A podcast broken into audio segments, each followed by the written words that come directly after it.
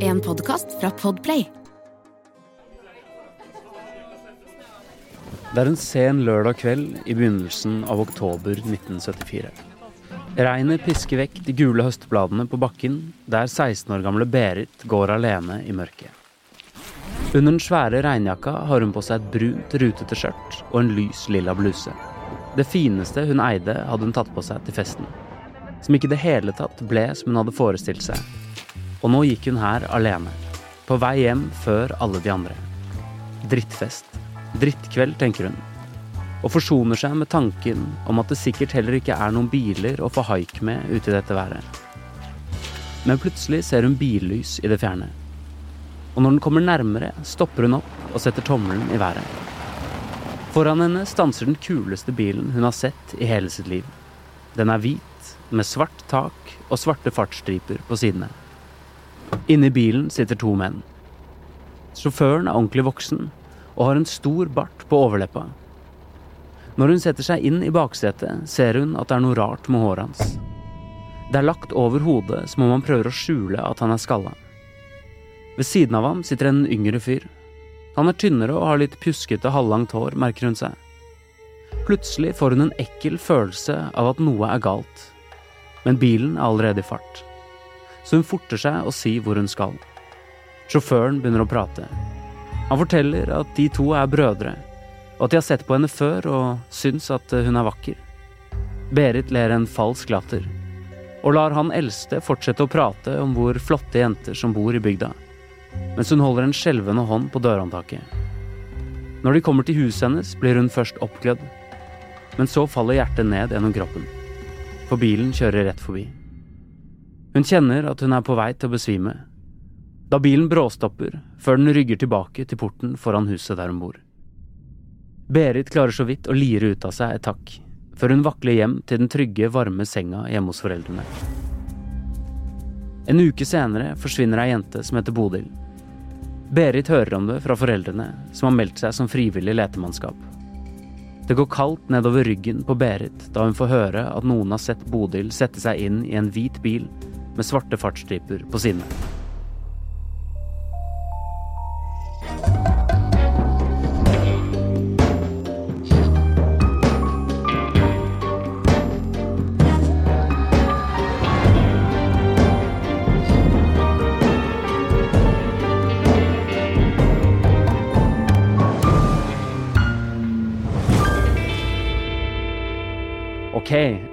Velkommen til dagens episode av På innsiden av Psykohoder med meg, Jonas Hoff Oftebro, og deg, Susanne Nordby Johansen. Hei, Jonas. Hei, du er jo nevropsykolog og spesialist i voksenpsykologi, og så jobber du som rettspsykolog. Ja, jeg gjør det. Ja, Mm. Og i dag så skal vi snakke om Edgar Antonsen, Ja. og litt om broren hans Terje Antonsen. ja, vi må ha med Terje òg. Det er jo en bror på slep her som, eh, som er litt interessant å snakke om også, syns jeg. I hvert fall da. Ja, absolutt, og de er jo eh, altså norske seriemordere, og de finnes det jo ikke så mange av. Nei, eh, og derfor så er jo Vi må jo ta tak i de vi kan. Eh, Vi har jo snakka om eh, Arnfinn. Ja. Så det vi skal snakke om nå, er jo kanskje noe som faktisk nesten er verre enn Arnfinn Nesset. Så dette kan bli kjempespennende, syns jeg, å prøve å gå inn i huet på disse her to, altså. Er enig, og så gleder jeg meg til å snakke om dødsfallet hans, fordi der er det mye jeg lurer på. Ja. Ja. Vi får se. Men aller det først som kommer, det kommer. Ja, men aller først litt info om Edgar Antonsen og broren Terje. Edgar Antonsen ble født i 1940 i Horten. Etter at foreldrene skilte seg da han var ti år, sendte moren ham og søsknene på barnehjem. Han var veldig knyttet til moren sin og opplevde det som et stort svik. I årene på barnehjemmet fikk han gode skussmål fra de voksne, men ifølge medelevene på skolen styrte han søsknene og venner med trusler og frykt. Da Edgar var 14 år, fikk moren et nytt barn, Terje. Da han var ferdig med skolen, reiste han til sjøs, og de neste årene giftet han seg to ganger og fikk tre barn. I 1971 ble Edgar dømt til fem års fengsel for voldtekt, incest og utuktig omgang med mindreårige. Han var tydelig uenig i dommen. Mens han satt i fengsel, hadde han fått seg en ny kjæreste som bodde i Ørsta på Sunnmøre. Og da han slapp ut på prøve i mars 1974, hadde han allerede skaffet seg jobb på Møre trikotasjefabrikk, og fått seg hybel i et hybelhus der mange av kvinnene han jobbet med, også bodde. Noen måneder senere flyttet Edgars lillebror Terje også til bygda. Han var 14 år yngre enn broren og hadde fått seg jobb i nabokommunen for å komme seg vekk fra rusmiljøet i Horten. Sammen kjørte brødrene Antonsen mye rundt i Edgars hvite Ford Taunus 12M, med svart tak og karakteristiske svarte fartsstriper på sidene. De tok til stadighet opp haikere, og kvelden 17. oktober endte det med at de voldtok og drepte tolv år gamle Bodil Brungot. I politiavhørene nektet de helt til Terje sprakk. Da kom det også frem at de hadde tatt livet av en 34 år gammel kvinne i Molde. Før rettssaken innrømmet Edgar også at han tolv år tidligere hadde tatt livet av en 80 år gammel kvinne for å skjule tyveri. Begge brødrene ble dømt til livsvarig fengsel med sikring, men begge slapp etter hvert ut. Og Edgar bosatte seg i Nord-Norge. I 1993 ble han etterlyst av politiet etter å ha voldtatt den ti år gamle datteren til tilsynsføreren sin. Og noen dager senere ble han funnet død ute i en steinur. Dødsfallet ble registrert som selvmord.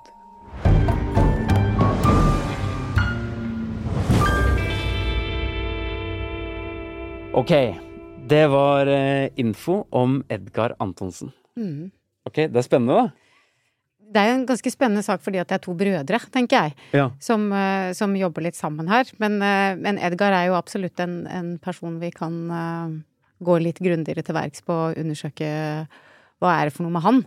Ja, enig. Det er jo mange av de tinga som kommer fram her som, som innebærer at vi kanskje vil snakke en del om det vi har snakka om før.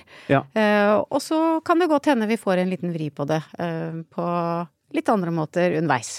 La oss starte med barndommen hans, da, apropos. For jeg syns det er veldig spennende at eh, Edgar Antonsen har noe som er ganske typisk for mange av de vi har snakket om.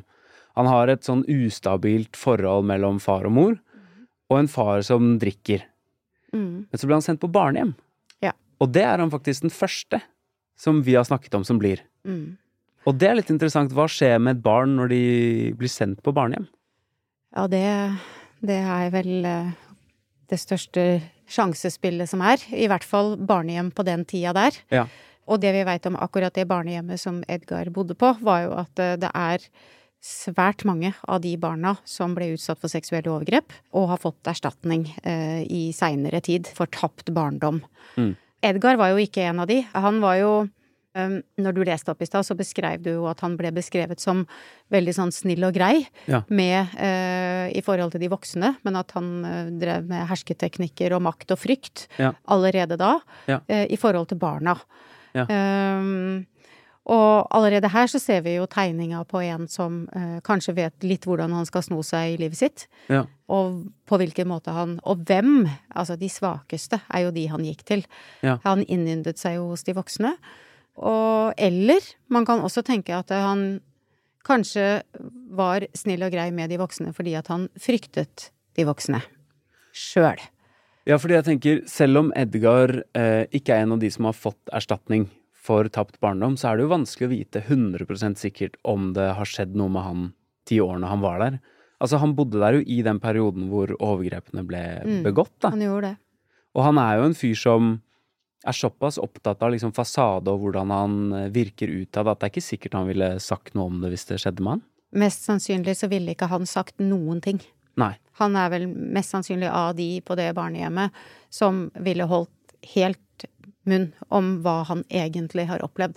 Han er jo ikke en person som snakker om seg selv. Nei, og så tenker jeg, hvis noen hadde forgrepet seg på han, han som blir beskrevet som en eh, mammadalt, for det blir han jo, Mhm. Og det er jo mange av de andre vi har snakka om, Ja. som er mammadalter og ikke har hatt en far og en god farsfigur. Men da må jo det sviket føles enda, Enda større, større. Mm. tenker jeg. Hvis moren og faren din har puttet deg på barnehjem, da, eller særlig moren din, som du er så glad i, Mm. og så skjer de tingene med deg, så må det føles helt sånn Altså det vi vet er om hvis du blir utsatt for seksuelle overgrep som barn, Ja. så har du også en større sannsynlighet for å utøve seksuelle overgrep mot barn i voksen alder. Fordi du da blir utsatt for overgrep i en alder hvor seksualiteten din ikke er utviklet. Ja. Og da kan man jo på en måte se på de, de hendelsene som Eller altså de tinga som Edgar har gjort og er dømt for, da. Det første forholdet han ble dømt for, der var det jo også et barn. Selv om den hovedvoldtekten der kanskje var en voksen person, Ja. så har han jo også blitt dømt for incest med dette barnet. Nei, jeg tror han blir Eh, dømt for Det er tre voldtekter, og den ene er vel kona hans. Ja, Og den andre er søsteren, så der kommer incesten inn. Og den tredje er en 15 år gammel jente, og Ja. de tror jeg ikke er i familie. Da har han jo utøvd seksualisert vold mot et barn. Eh, De er jo barn som 15 år. Og så er det jo hun Bodil, som jo da var bare 12. Ja. Så det, det er jo en sannsynlighet for at han kanskje har en skjevutviklet seksuell legning, da. Sånn som det, det internasjonale klassifikasjonssystemet ville kalle det, ICD-10. Ja. Eh, At han eh, har en seksuell tenning eh, knyttet til barn. Fordi at han da ble utsatt for seksuelle overgrep som barn, og ikke har utviklet denne eh, seksuelle legningen sin på en sunn og naturlig måte i utforsking. Ja. Um, men det er jo teorier, selvfølgelig, fordi Ja. at han, han har jo også forgrepet seg voldtatt voksne. ja, det er ikke noe klart mønster. Nei.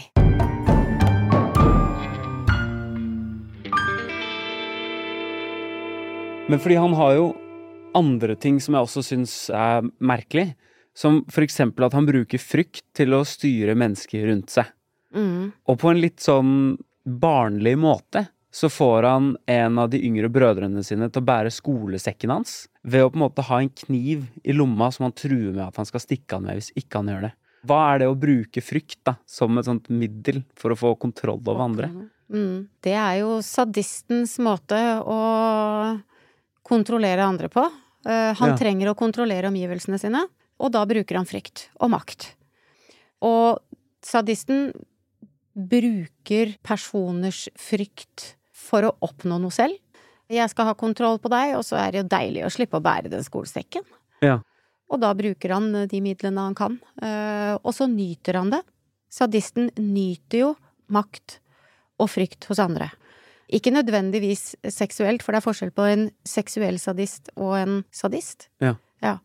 For den seksuelle sadisten trenger ikke nødvendigvis å utøve makt for kontroll på en ondskapsfull måte. Nei. Den seksuelle sadisten finnes jo sammen med sadomasochisten, sant? Ja. i BDSM-miljøet. Og det har vi ikke noe info på at uh, Edgar var en del av. Sånn at han er kanskje ikke nødvendigvis en seksuell sadist som nyter dette her, men han er en sadist. Han er en sadist, ja. Ja. Ja. Mm. Det handler mer om volden enn det seksuelle. Makten og volden og frykten hos de andre, den andre personen. Mens den seksuelle sadisten eh, handler det jo om en seksuell nytelse. Men det er klart at du har eh, seksuelle sadister som også gjør forferdelig grusomme handlinger, Ja. men de fins også innenfor hva skal vi si, normalpsykologi. Hvis det er normalpsykologi, da. Ja, ja. Noen vil jo si det. At uh, sadomasochisme og BDSM er helt normalt.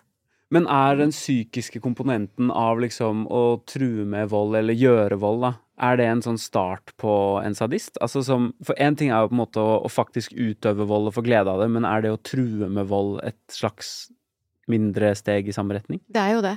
Du truer jo med å skade noen. Ja, Og de- det visste nok sikkert disse brødrene, at han var fullt eh, kapabel til å, å, å skade de, da. Ja, for vi skal snakke mer om det senere også, fordi han bruker jo det liksom flere ganger i livet sitt. Ja, han gjør det. Men først så drar han jo på sjøen som 15-åring, kommer tilbake, får seg en kone som 19-åring og et barn, men drar ut igjen på sjøen, skiller seg, kommer hjem igjen, ny kone, to barn, men det varer jo ikke så veldig lenge, den familieidyllen.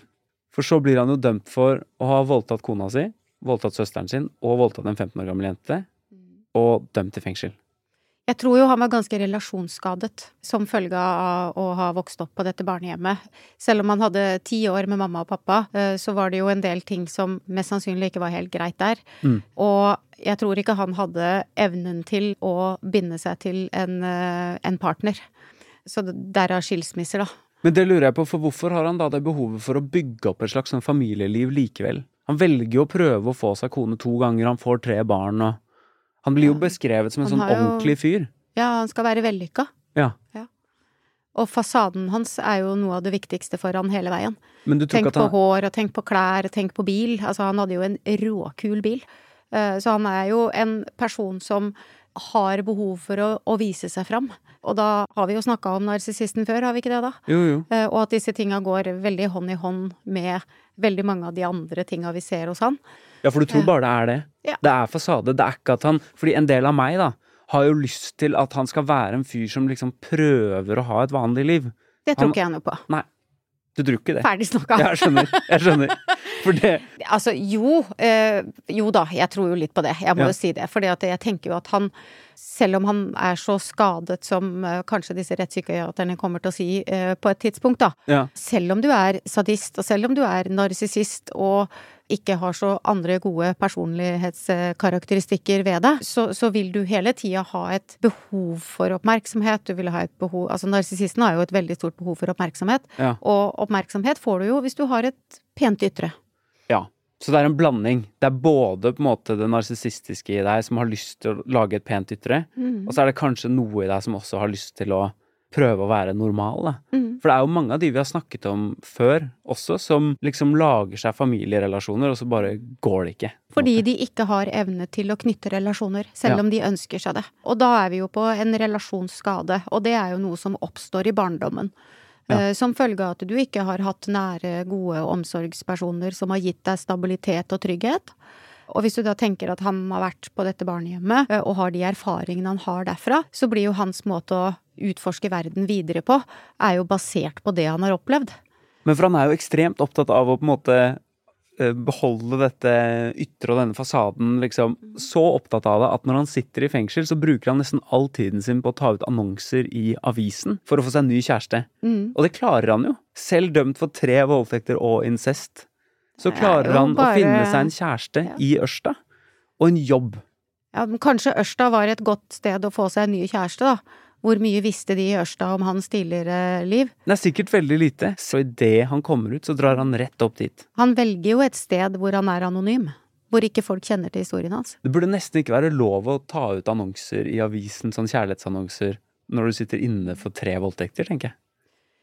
Det er vel kanskje sånn at vi har litt grann andre typer begrensninger på ting nå enn det de hadde før. ja, ja.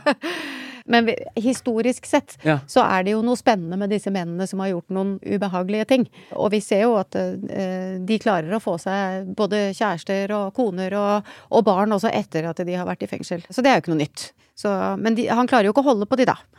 Og det er jo et mønster, tenker jeg, at han ikke klarer å holde på relasjonene sine. ja, for det nye forholdet i Ørsta varer jo heller ikke særlig lenge. Nei.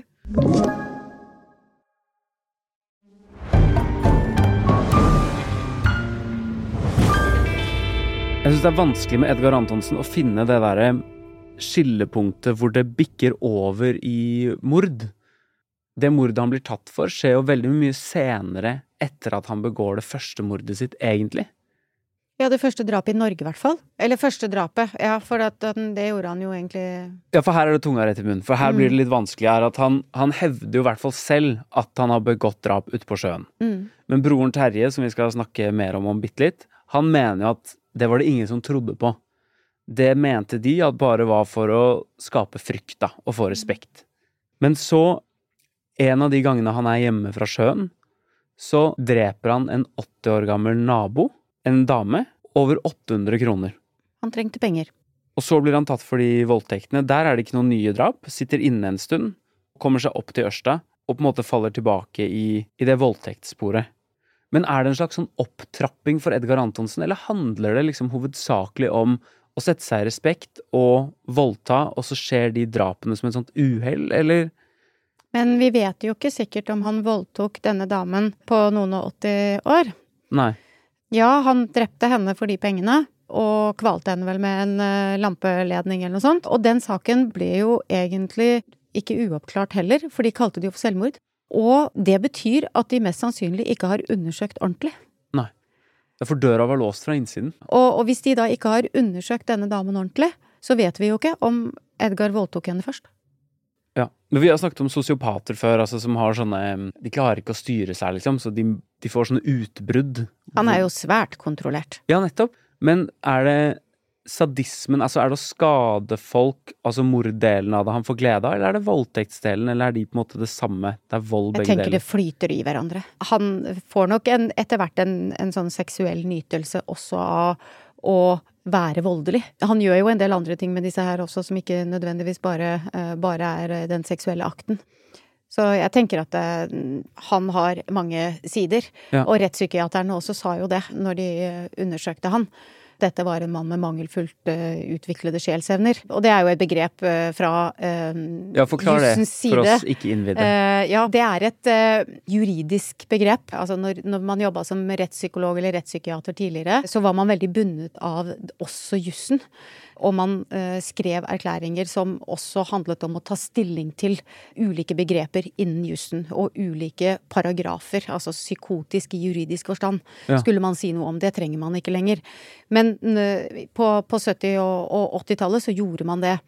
Og mangelfullt uh, utviklede, og kanskje også da varig svekkede sjelsevner, det ble brukt som et sånt samlebegrep i utgangspunktet på personer først og fremst med lav IQ. Altså de som hadde IQ under 50, eh, og som egentlig ikke da var strafferettslig tilregnelig, som vi ville kalle det nå. Okay. Eh, hvor de måtte ha en annen type dom. Og dommen den gangen, det var sikring. Eh, sånn at du fikk ikke bare fire års fengsel, men du fikk en sikring som betydde at du måtte bli undersøkt flere ganger. Nå har vi forvaring.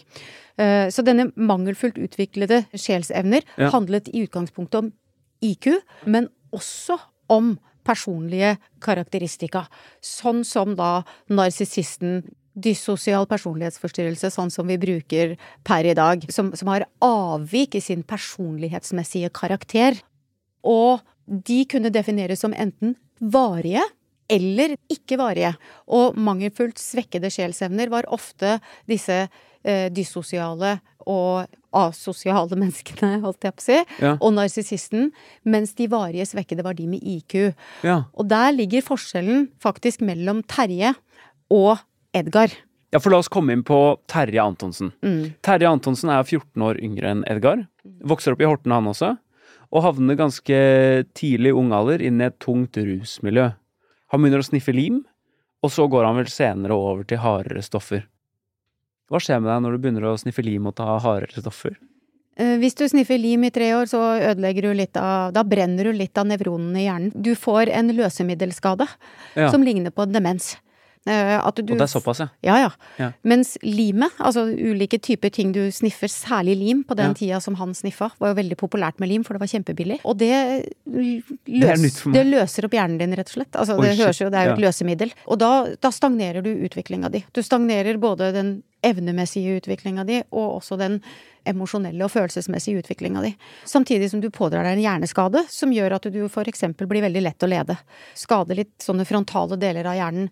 Noe de da mener at, eh, at Terje Antonsen eh, faktisk eh, hadde, da. En skade i hjernen sin som følge av alt det rusmisbruket.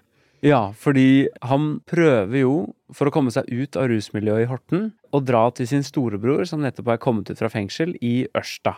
Skikkelig, skikkelig dårlig match. Ja. Og de to sammen begynner jo å kjøre rundt i denne Ford Taunus Tollheimen mm -hmm. og plukke opp jenter som haiker. Haiking utrolig vanlig. Det var vanlig på den tida. Det gjorde jeg sjøl, til og med det. Du gjorde det, ja? Å ja, ja, ja. Å komme oss fra A til B var veldig greit. Jeg har sett for mange true crime-serier, tror jeg, til å tenke at det er en god idé. Men jeg lurer på, når de kjører rundt og plukker opp jenter som haiker, er det en slags sånn flørting med den ideen om at de skal gjøre noe med dem? Kanskje. Jeg tror jo det var veldig mange på den tida der som kjørte rundt og leita etter offer. Og så var det veldig mange som var ute og kjørte og syntes det var morsomt å kjøre, og syntes det var gøy å ta på småjenter og kjøre de på fest. Så det kan ha vært en blanding? Kan ha vært en blanding. Mest sannsynlig så har han jo ikke voldtatt alle han hadde i bilen. Da hadde det kommet opp flere historier i etterkant av Bodil sin historie. Ja, og det er... For jeg tror han hadde kjørt på en del andre i Ørsta, også fra, til og fra fest. Ja, det kom jo også opp flere ganger. Mm. Uh, de har jo kjørt mange jenter rundt uten å gjøre noe. Ja. Og han viser seg jo fram. Har fin bil. Ja. Tøff fyr fra byen. Ja. ja.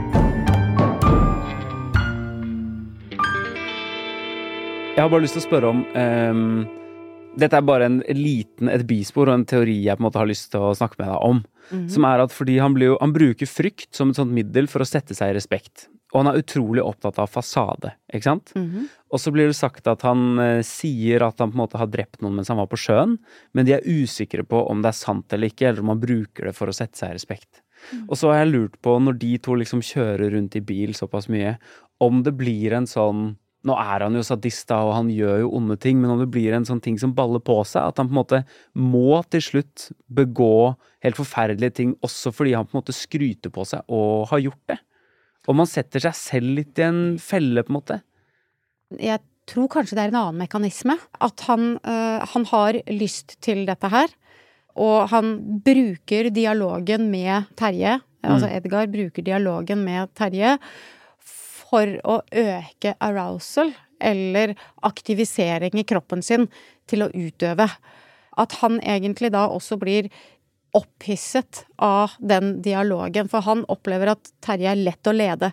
Terje blir veldig med, og er med på å drive Edgar opp, sånn at det til slutt da bikker over uh, i at han faktisk gjør den voldtekten og den handlingen. Altså det å være sammen med noen om Mm. det, det hadde han jo ikke vært før. Så det elementet Terje må være en stimuli for han. Det må være noe som driver han. Og når du da sier at det, ja, kanskje det egentlig bare er fordi at han ønsker å være mer viktig enn det han egentlig er, eller å gjøre seg større enn han er, eller å spille på den frykten, da ville han jo ikke utøvd handlinga til slutt. Målet hans er å sluttføre, hvis man skal tenke at de rettspsykiaterne har rett i vurderinger av hans eh, mangelfullt svekkede sjelsevner. Han Ja. hadde dog ikke lav IQ, det var det Terje som hadde.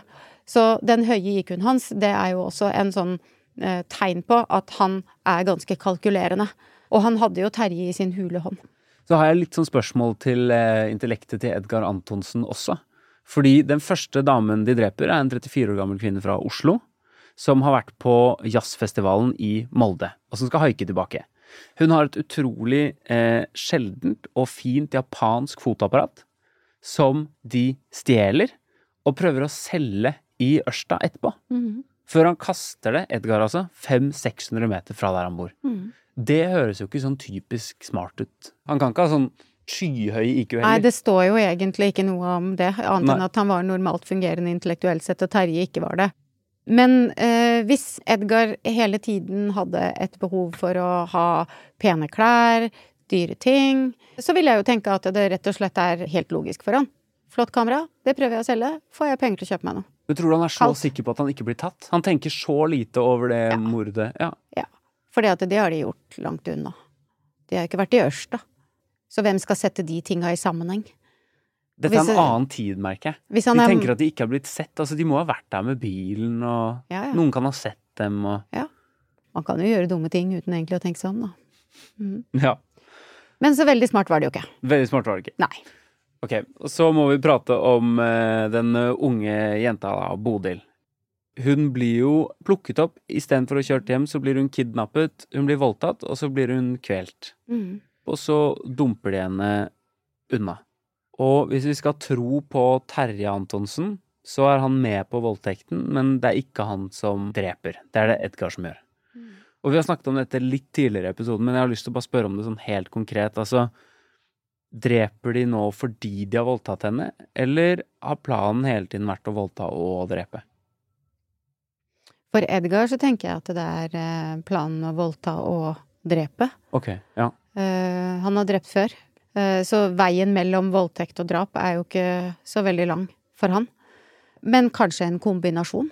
Altså for å skjule en voldtekt, da. Han er jo dømt for voldtekt før. Ja. Han har vært i fengsel. Ja. Han vet jo hva det betyr. Ergo så har han ikke lyst til å bli tatt for en ny voldtekt og komme i fengsel på nytt igjen.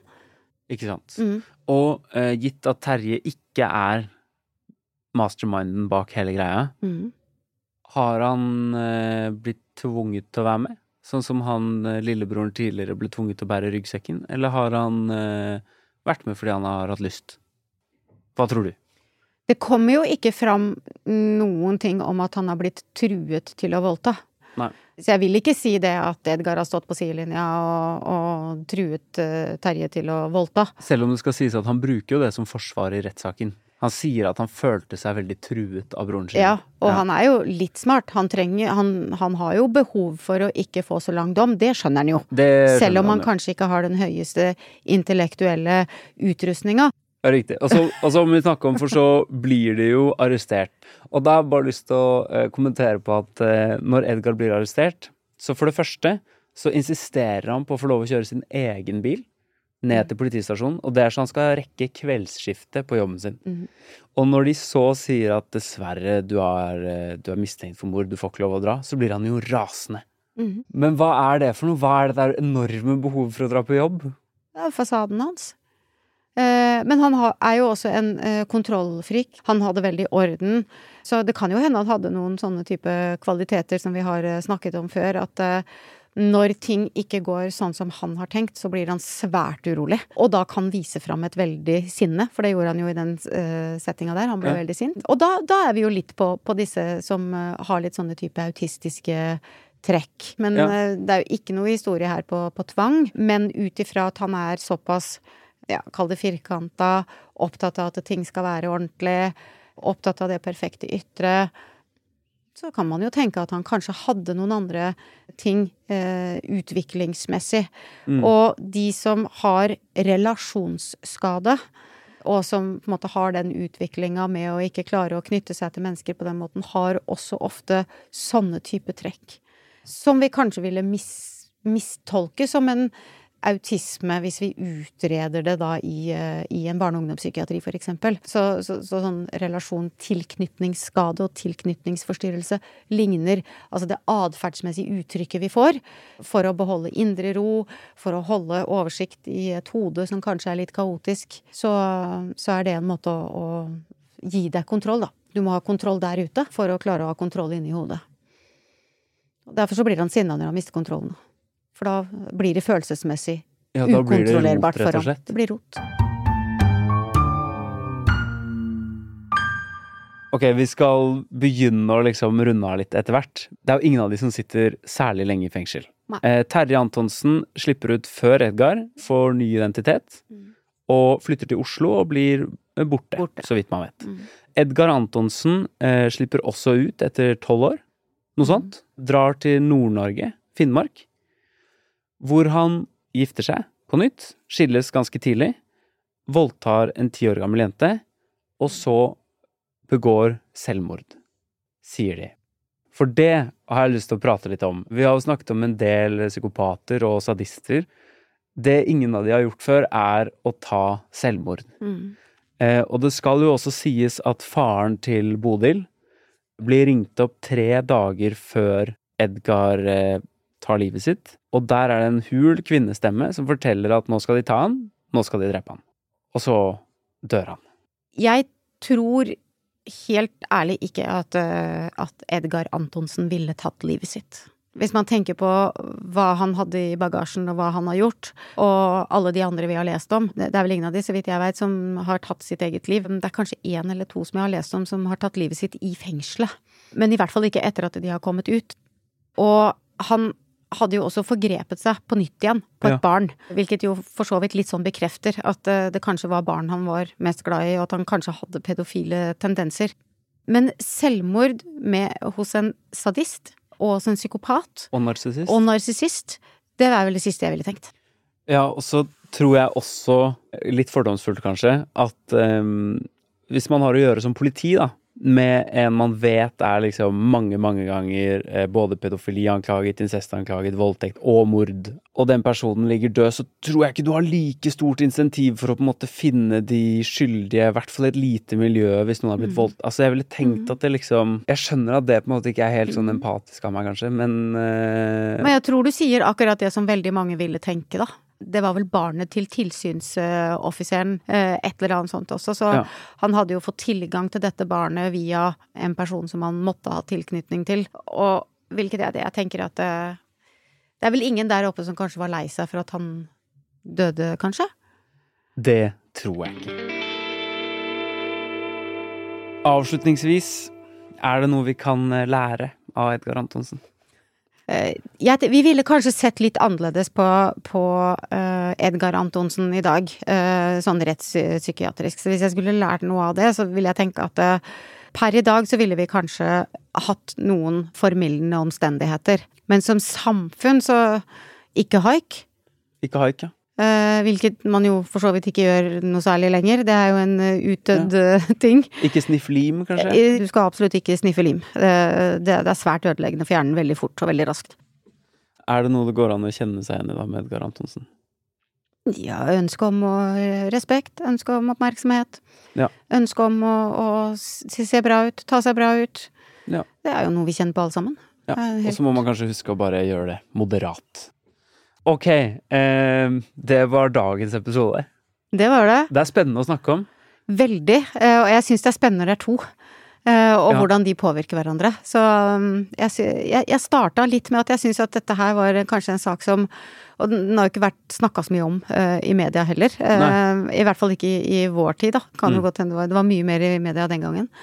Eh, men når vi går, når vi dykker i det, så er det ganske spennende, uh, syns jeg. Så det blei en veldig spennende seanse, dette her, eh, Jonas. Vi kom borti ting vi ikke har kommet borti før. Eh, så vi har lært noe i dag, tenker jeg. Helt enig. Og spennende at han er så unik i norsk standard. Han ligner ganske mye på de amerikanske Det gjør han. på en eller annen måte. Så vi har de her òg. Vi har de her òg. Ja. Det er skummelt å tenke på. Eh, nei, tusen takk for i dag, Susanne. I like måte, Jonas. Gleder meg til neste gang. Jeg òg. Da skal vi snakke om Richard Ramirez, bedre kjent som The Night Stalker. Altså, hva skal man si? Stort mer crazy og brutalt enn det her, det blir det faktisk ikke. Og tusen takk til deg som har hørt på.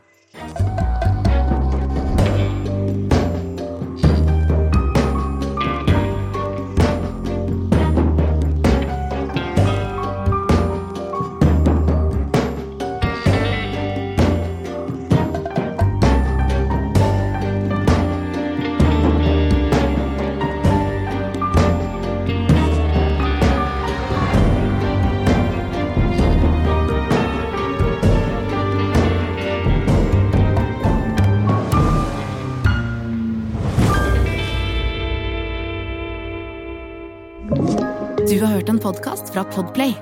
En enklere måte å høre podkast på. Last ned appen Podplay, eller se podplay.no. Har du et enkeltpersonforetak eller en liten bedrift? Da er du sikkert lei av å høre meg snakke om hvor enkelt det er å sende faktura med fiken. Så vi gir oss her, fordi vi liker enkelt. Fiken superenkelt regnskap. Prøv gratis på fiken.no.